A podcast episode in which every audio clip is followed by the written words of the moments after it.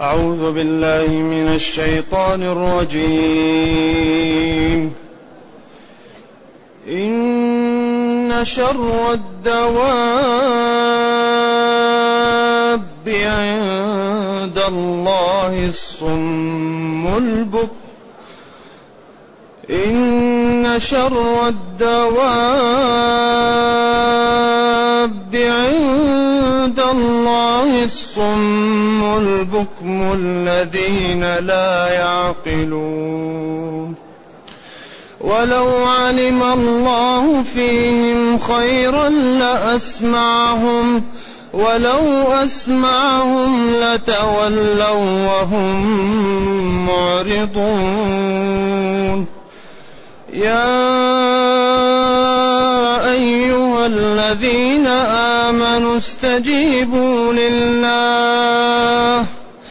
استجيبوا لله وللرسول إذا دعاكم لما يحييكم. واعلموا أن الله يحول بين المرء وقلبه. وأنه إليه تحشرون. واتقوا فتنة لا تصيبن الذين ظلموا منكم خاصة. واعلموا أن الله شديد العقاب. واذكروا إذ أنتم قليل مستضعفون في الأرض تخافون. تخافون أن يتخطفكم الناس فآواكم فآواكم وأيدكم بنصره ورزقكم من الطيبات ورزقكم من الطيبات لعلكم تشكرون يا أيها الذين آمنوا لا تخونوا الله. لا تخونوا الله والرسول وتخونوا أماناتكم. وتخونوا أماناتكم وأنتم تعلمون. واعلموا أنما أموالكم وأولادكم فتنة وأن الله عنده أجر عظيم. بارك الله فيك. الحمد لله الذي أنزل إلينا أشمل الكتاب وأرسل إلينا أفضل الرسل. وجعلنا خير أمة أخرجت للناس. فله الحمد وله الشكر على هذه النعم العظيمة والآلاء الجسيمة. والصلاة والسلام على خير خلق الله وعلى آله وأصحابه ومن اهتدى بهداه. أما بعد فإن الله تعالى ينهى المسلمين أن يكونوا مثل المنافقين الذين قالوا سمعنا وهم لا يسمعون. ولا تكونوا كالذين قالوا سمعنا وهم لا يسمعون. يعني لا تكذبوا لا تنافقوا لا تغش لا تعملوا شيء غير صحيح. بعدين بين قال إن شر الدواب إن توكيد شر أصلها أشر ولكن أغناهم خير وشر عن فاعل. بكثرة الاستعمال.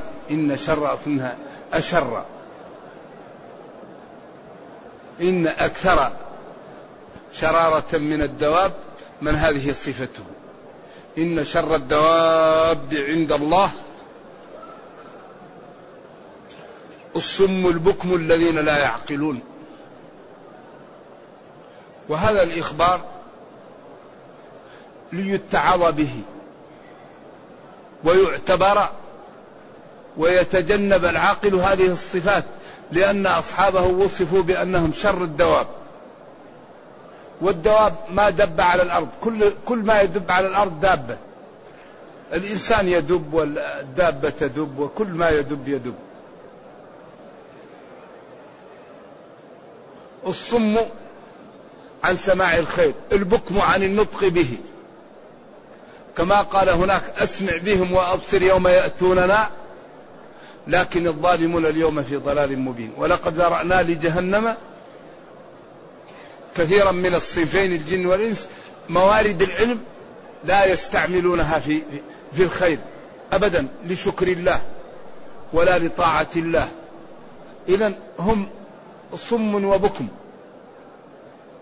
الذين لا يعقلون بما أعطاهم الله من موارد العلم لا يعقلون الخير. فيعلمون خطورة الكفر وما يعقبه لصاحبه من الويلات. لذلك هذا الحقيقة بيان عجيب. بيان ورا بيان ورا بيان ورا بيان. بحيث يتشرب ذهن الإنسان ويمتلئ من الإيمان والخوف من الله ويعلم أن الكفر لا فائدة فيه وأن النجاة في الاستقامة. لذلك هذا الكتاب يعني القضايا يكررها يكررها ويوضحها ويأتي بأساليب مختلفة. إن توكيد شر أشر الدواب جمع دابة عند الله أي في حكمه وفي شرعه الصم الذين لا يسمعون الحق البكم عن النطق به. عياذا بالله تعالى. الذين لا يعقلون. هذا العقل لا يستعمله في موارد النجاة. ولذلك هل هل رأيت شيئا أوجد نفسه؟ أنتم الآن. انظروا معي. هل تقع أعينكم على شيء أوجد نفسه؟ مما هو بينكم. طيب كيف السماوات والأرض تكون أوجدت أنفسها؟ أنت لا تقع نفسك إلا على شيء موجد ومخلوق ومعمول. فما بالك كيف الكون يكون أوجد نفسه؟ لذلك الله بين ويأتي قال وتلك الأمثال نضربها للناس وما يعقلها إلا العالمون. قال أم خلقوا من غير شيء؟ أم هم الخالقون؟ أم خلقوا السماوات والأرض؟ الثلاثة لم تقع. إذا النتيجة أن في قوة هائلة خلقتكم ينبغي أن تعبدوها وتلتزموا أوامرها وتجتنبوا نواهيها. ذلك هذا الدين كله قائم على الإقناع على مخاطبة العقل. سبب إسلام عكرمة لما جاءت السفينة في البحر قالوا احذروا أن تدعوا ربا غير رب محمد. لأنهم كانت إذا دهمتهم الكروب إيش؟ يخلصون. وإذا غشيهم موج كالظلل دعوا الله مخلصين له الدين. فلما نجاهم إلى البر إذا هم يشركون. وفرحوا بها جاءتها ريح عاصف وجاءهم الموج من كل مكان وظنوا أنهم أحيط بهم. دعوا الله مخلصين له الدين. لئن أنجيتنا من هذه لنكونن من الشاكرين. فلما نجاهم إلى البر إذا هم يشركون فأكرمة بن أبي جهل قال والله إن كان لا ينجي في ظلمات البحر في ظلمات البحر إلا هو فلا ينجي في ظلمات البر إلا هو. اللهم لك علي عهد إن أنقذتني. لأذهبن إلى رسول الله صلى الله عليه وسلم فلا أدخل في الإسلام. فنجا ودخل في الإسلام. لذلك حجج القرآن عجيبة ولذا يقول أفمن يخلق كمن لا يخلق. هنا يقول جل وعلا ولقد ذرأنا لجهنم. هنا يقول إن إيش إن شر الدواب عند الله الصم البكم الذين لا يعقلون. هذا أشر الخلق. ولذلك قال إنهم إلا كالأنعام بل هم أضل. ولو علم الله فيهم خيرا لأسمعهم. لو حرف امتناع الامتناع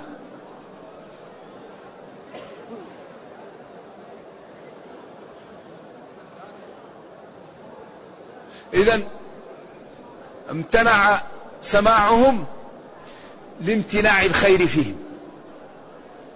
لو كان فيهم خير لعلمه الله. والله لم يعلم فيهم خير إذا لا خير فيهم. لأن الله يعلم ما لم يكن لو كان كيف يكون. ولو فرضنا أنهم فهموا وأبصروا ولو أسمعهم لتولوا. والحال أنهم معرضون لأنهم عياذا بالله تعالى لما خلقوا عند نفخ الروح ختموا أشقياء. والذي يختم شقي لا بد أن يهيأ له طريق الشقاوة. الذي كتب شقيا الله يهيأ له هذه تهيأ له هذه الطريق ويذهب إليها نرجو الله السلام والعافية. ولذلك تجد الأشقياء ما يصلون لا يصومون لا يبالون لا يخافون. وإذا تكلمت بعض يقول لك الله قدر علي. شو دريك اللي مقدر عليه رأيت اللوح المحفوظ عرفت ما لا مكتوب فيه؟ ولكن عياذا بالله صاحب الشقاوة تجده دائما إما أن تأتيه الشبه ويملئ الله قلبه من الشبه. أو تمتلأ قلبه من الشهوة وبعدين يسخر من المتدينين. إذا رأى المتدين يقول مسكين هذا ضيع وقته جاي رايح للمسجد وفلوس يوزعها مسكين وبعدين ما تمتع. مغفل. هؤلاء الذين أعوذ بالله ختم عليهم بالشقاوة. إذا رأوا أهل الاستقامة يروهم مجانين. مسكين طول الوقت ماشي رايح جاي شوف يضيع وقته. يرى أن هذا عبث إنه ضياع. لما تقول له يا فلان تعال صلي يقول لك ادعي لي.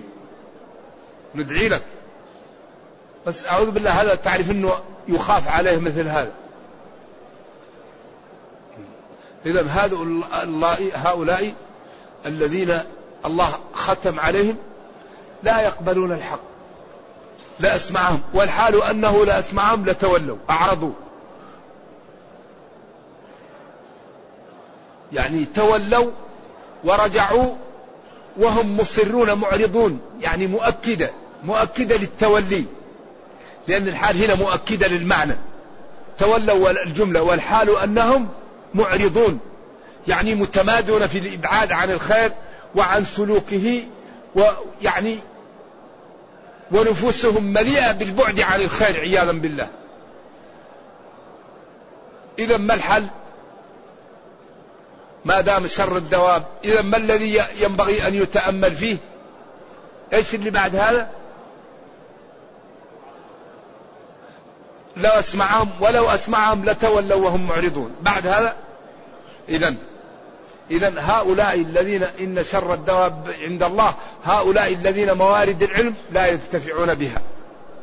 ولو كان الله تعالى علم في سابق أزله أنهم يقبلون لهيأ لهم. الهداية. ولو فرضنا أنهم فهموا لتركوا على على بصيرة. لأن فرعون كان يعلم أن موسى رسولا أن موسى رسول. فاستخف قومه استخفهم فأطاعوه. ولذلك لما جاءت نقطة الصفر وأيقن بالهلاك وانتهى الملك وانتهت الأبهة قال آمنت. آمنت أين قلت آمنت يا مجرم؟ لما انتهت جاءت نقطة الصفر وعرف أن لا نجاة إذا أدركه الغرق. قال آمنت. قيل إنه لما قال لا إله إلا الذي جاءه الملك بطينة وضرب بها حلقة. ربه لم يقبل منه. قال له الآن الآن وقد عصيت قبل وكنت من المفسدين فاليوم ننجيك نحفظك ونرفعك على نجوة لتكون لمن خلفك آية. يروك. ولذلك وليست التوبة للذين يعملون السيئات حتى إذا حضر أحدهم الموت قال إني تبت الآن. لا. ولا الذين يموتون وهم كفار.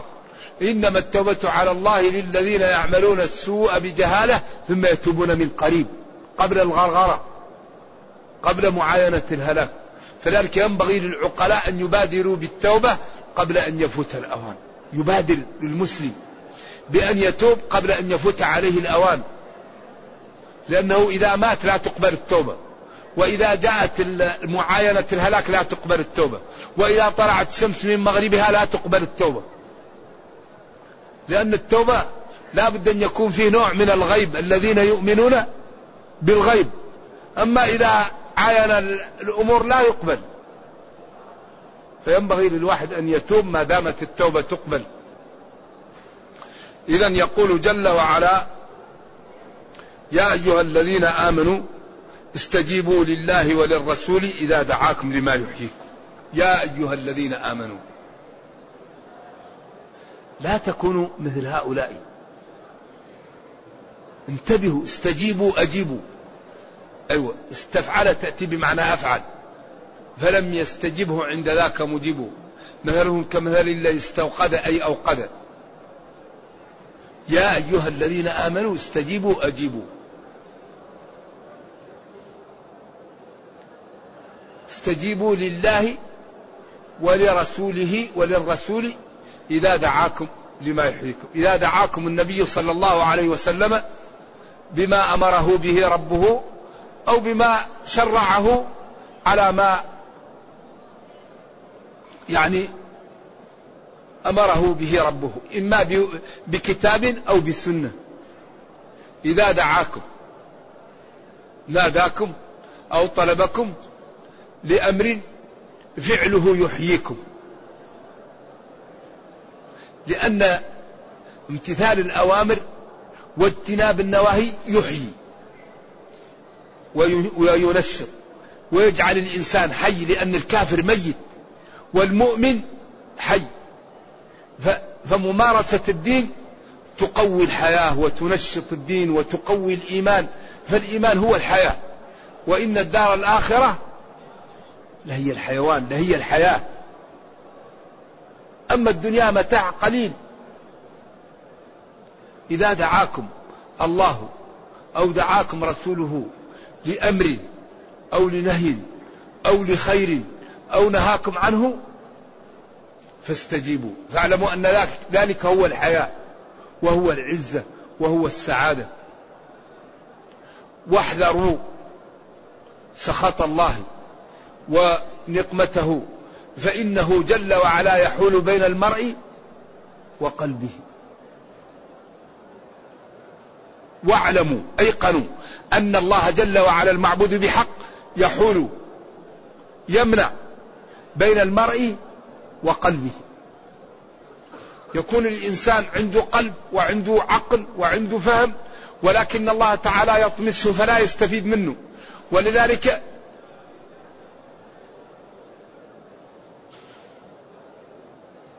يقضى على المرء في أيام محنته حتى يرى حسنا ما ليس بالحسن.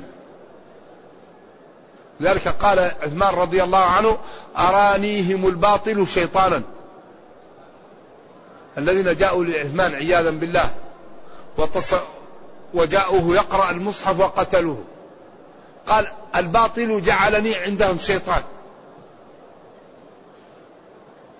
إذا العبد يحال بينه وبين قلبه فيمرض إيمانه. فيكون عنده قلب لكن لا يستفيد منه. إذا سمع حي على الصلاة ما يقدر يروح يصلي.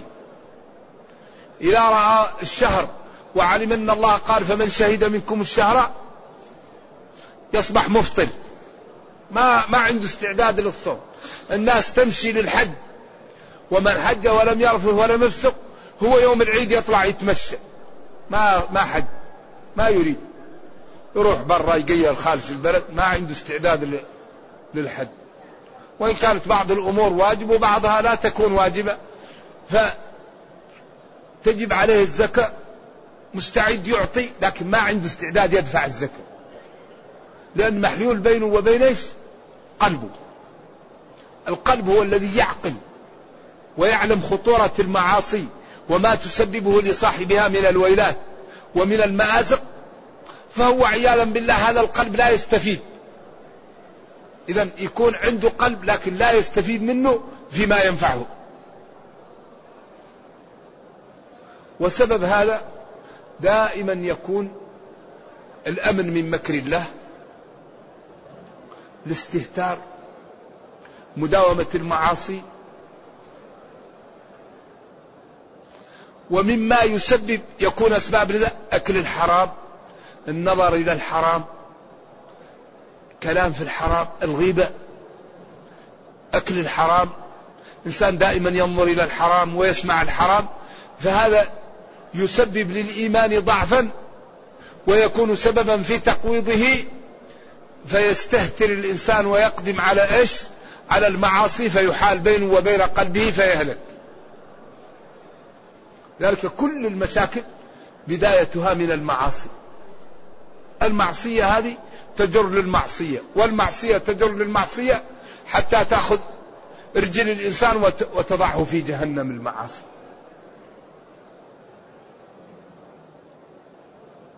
المعاصي خطيرة جدا. لذلك الذي يريد النجاة يبتعد من المعاصي.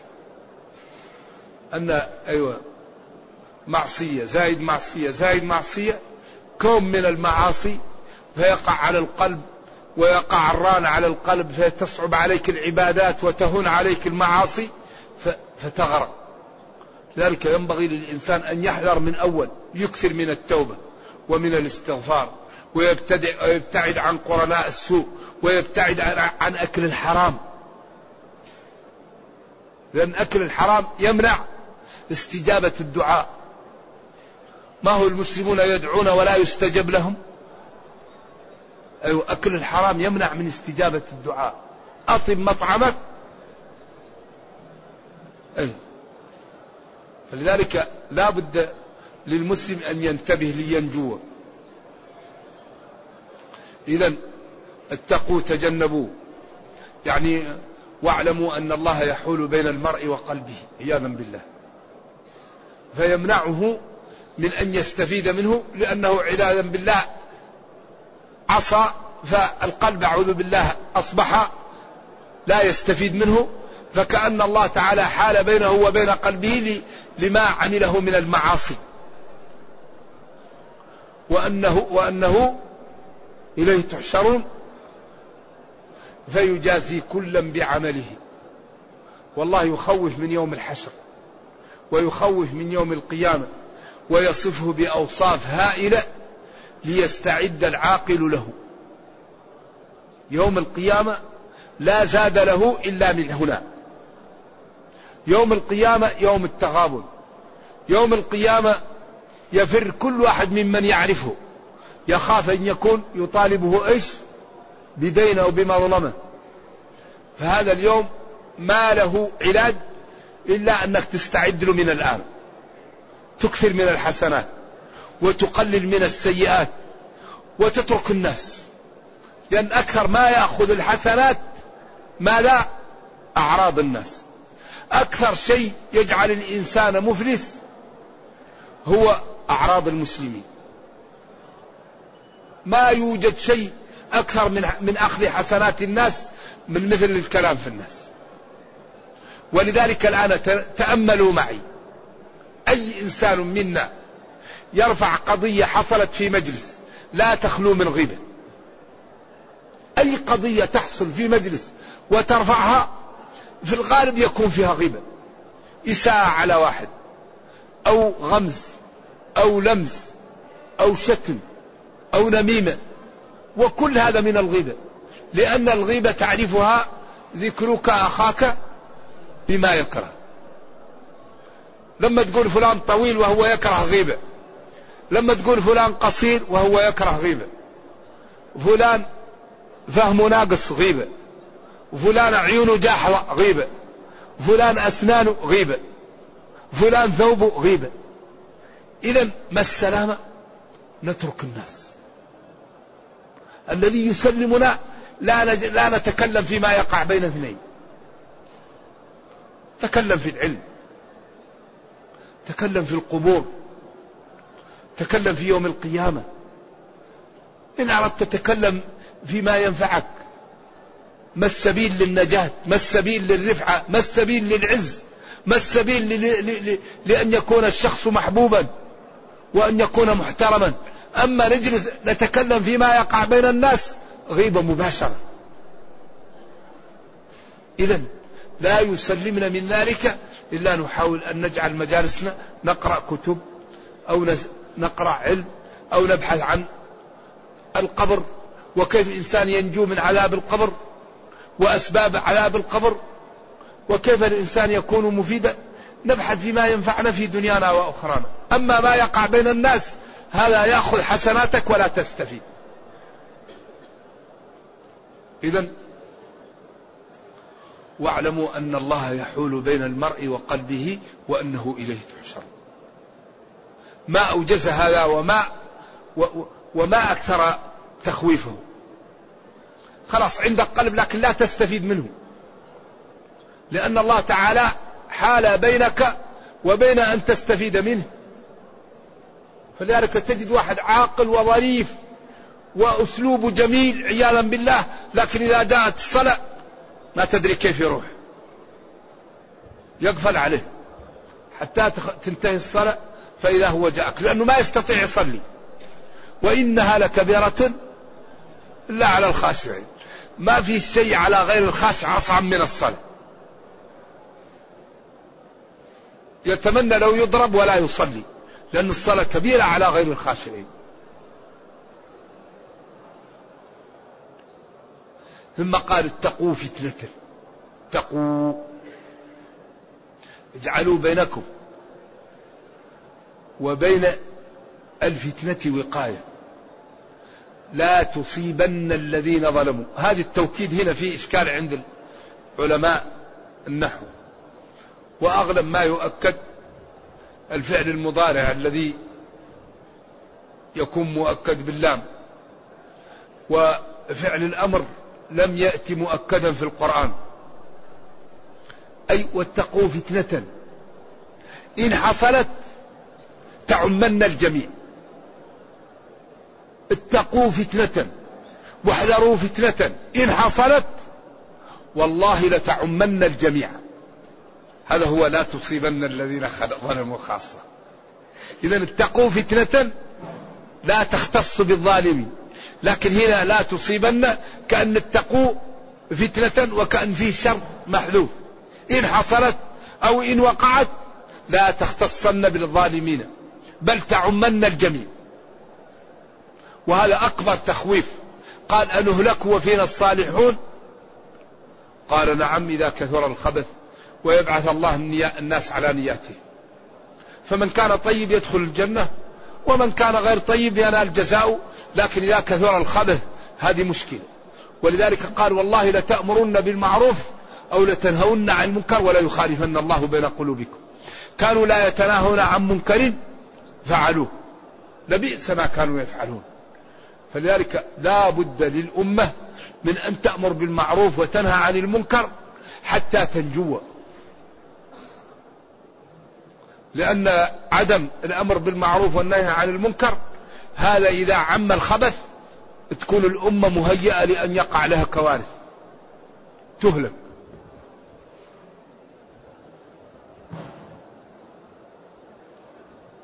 واعلموا أن الله إذا عاقب فعقابه شديد. كما قال إن بطش ربك لشديد. والنتيجة التوبة والاستقامة وفعل الخيرات والبعد عن المحرمات. فالإنسان يسعد في الدنيا ويدخل الجنة في الأخرى ويبتعد عن النار. وأي شيء أعظم من هذا؟ أي شيء أعظم من العبد يبتعد عن النار ويدخل الجنة ويكون سعيدا في الدنيا؟ العبد المتقي لله الله يحميه الله ينصره الله يبارك له في ماله في ولده في عمره يعطيه القليل يكون له بركة فيه. الذي يتقي الله لن يضيعه الله. فلنتق الله ولنعمل بطاعة الله ولنبتعد عن معاصي الله ونبشر بالخير. ربنا كريم وقادر ولا يضيع أجر من أحسن عمله. والله لا عذر لنا بعد هذا البيان. نرجو الله جل وعلا أن يرينا الحق حقا ويرزقنا اتباعه وأن يرينا الباطل باطلا ويرزقنا اجتنابه وأن لا يجعل الأمر ملتبسا علينا فنضل. اللهم إنا نسألك الجنة ونعوذ بك من النار. اللهم اختم بالسعادة آجالنا واقرم بالعافية غدونا وآصالنا واجعل إلى جنتك مصيرنا ومآلنا. سبحان ربك رب العزة عما يصفون وسلام على المرسلين والحمد لله رب العالمين. والسلام عليكم ورحمة الله وبركاته. يقول نرجو توجيه كلمة بمناسبة بداية العام الجديد. ماذا؟ نوصي نفسي وإخواني بتقوى الله وأن الإنسان ينوي أنه لا يعمل معصية في العام الجديد. بس هذا أحسن شيء. يقول منظر اجتماع المسلمين من أقوى مناظر القوة والترابط نرى بعض الحجاج وغيرهم ممن يتوجه للقبر ويدعو. وإذا أنكرنا عليه قال لا تحكموا على نياتنا ويقولون إنكم تفرقون اجتماع الأمة. اجتماع الأمة ينبغي أن يكون على النصوص. سؤال غير الله لا يجوز. وجهة الدعاء القبلة. فأنت لا تسأل النبي صلى الله عليه وسلم وإنما أسأل رب النبي صلى الله عليه وسلم لأنه هو قال إذا سألت فاسأل الله ما قال إذا سألت فاسألني. وهو مشرع صلوات الله ولا يجوز له أن يؤخر البيان عن وقت الحاجة. وربنا قال وقال ربكم ادعوني أستجب لكم. والمسلم إذا أراد أن يدعو يتوجه إلى القبلة.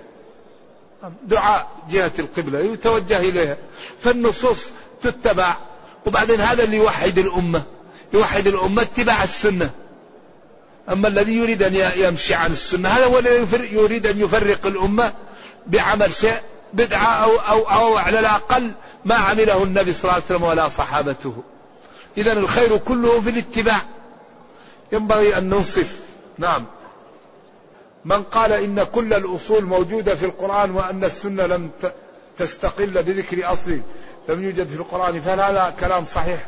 لا السنة هي جاء فيها الجمع بين العمة والخالة.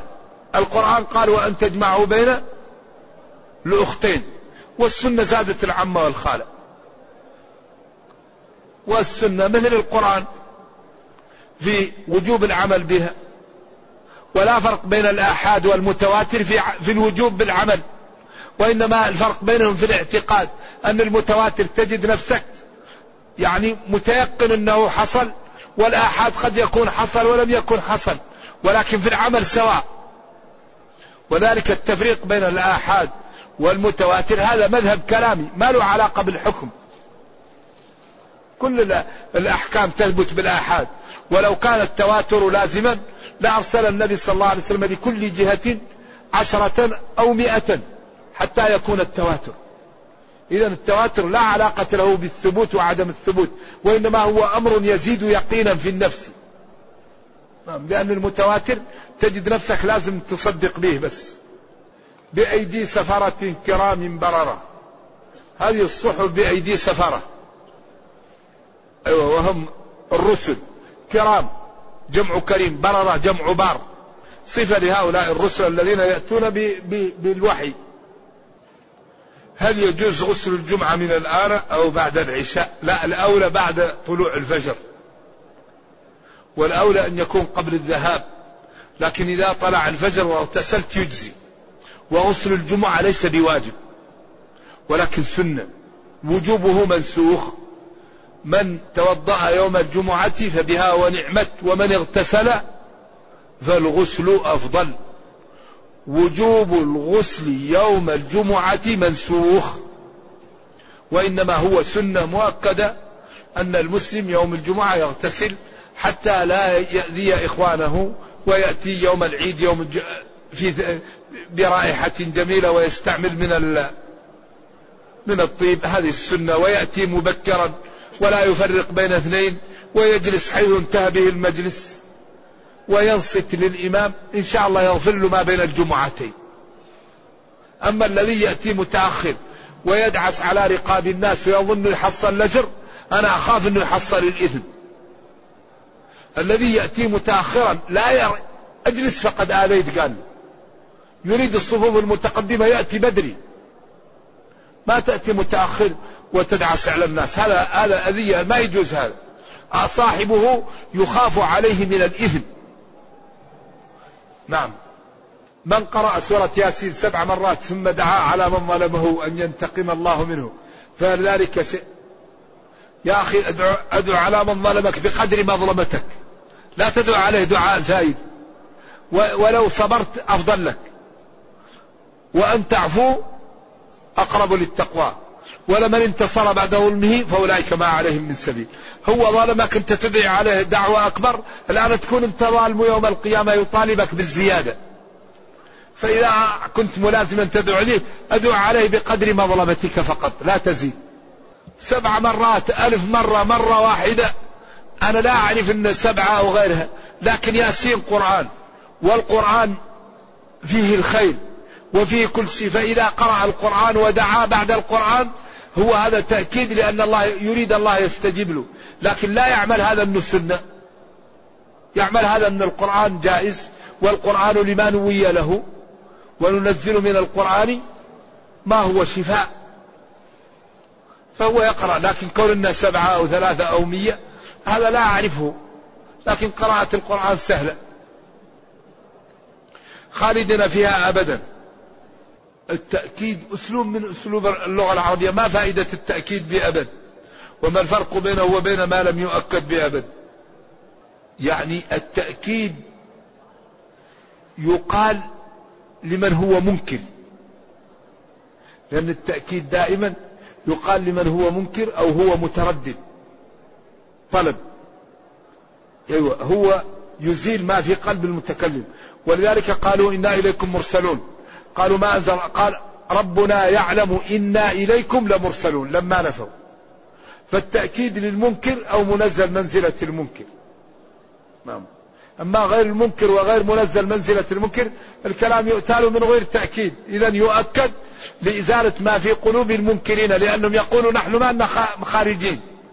ما لنا خالدين فيها. نعم. سبعة أيام. هذا يقول أجد في نفسي وحشة.